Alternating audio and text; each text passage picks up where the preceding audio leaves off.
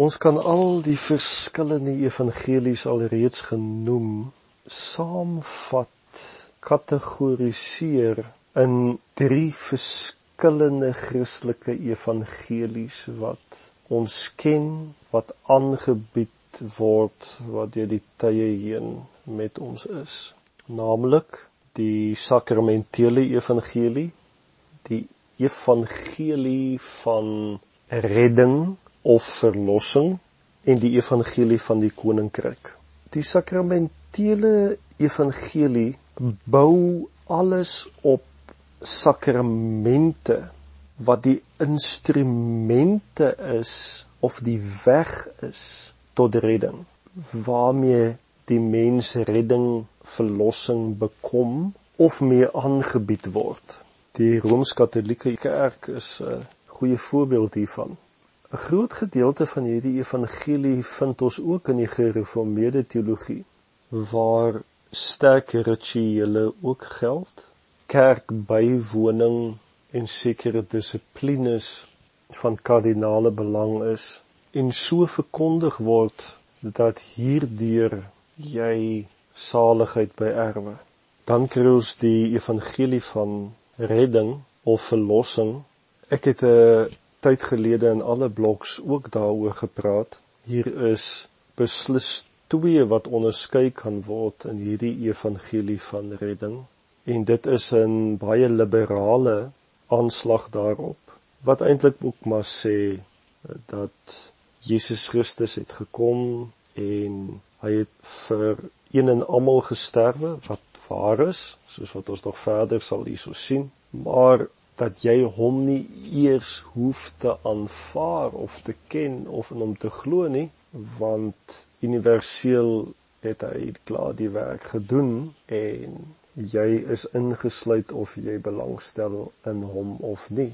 Dan die ander kant weer deel van hierdie evangelie van redding wat baie konsentreer op die val van die mens, die totale verdorwenheid van die mens. Noem ek sommer baie keer die evangelie van sonde, skuld en oordeel wat vir die mens sê hy is deur genade gered, maar hy of sy bly 'n sondaar wat deur genade gered is. Hierdie evangelie van redding se aanslag is negatief en 'n baie enge verstaan van die evangelie en fokus net daarop dat die mens gered moet word.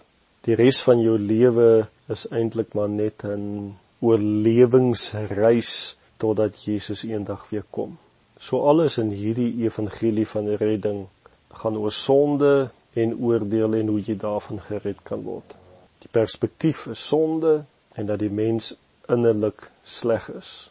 Nadat jy gered is, moet jy aan 'n kerk behoort en volhard tot die einde toe. Die charismatiese en vernuwings evangelies val in hierdie kategorie. En dan is daar die evangelie van die koninkryk. Jesus het van die begin af gesê hy bring die evangelie van die koninkryk na die aarde toe en dat dit hierdie evangelie verkondig sal word tot die eindes van die aarde toe en dan sal die einde kom. Ons lees dit in Matteus 4 vers 23, Matteus 9:35, Matteus 24 vers 14.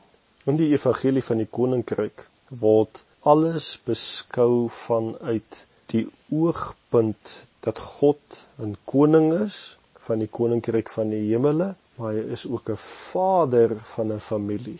Hierdie evangelie styg uit en is groter en konsentreer ver ander kant die mens en sy probleme.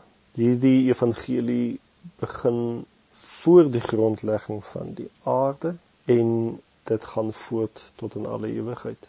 Hierdie evangelie het niks te doen met godsdiens nie, met kerk nie. Dit is 'n leefstyl, 'n lewenswyse van 'n verhouding met die koning. En hier kom ons weer by die geheimenis, die geheimenis wat verberg was vir generasies en vir eeue. Is niks anders as die evangelie van die koninkryk nie.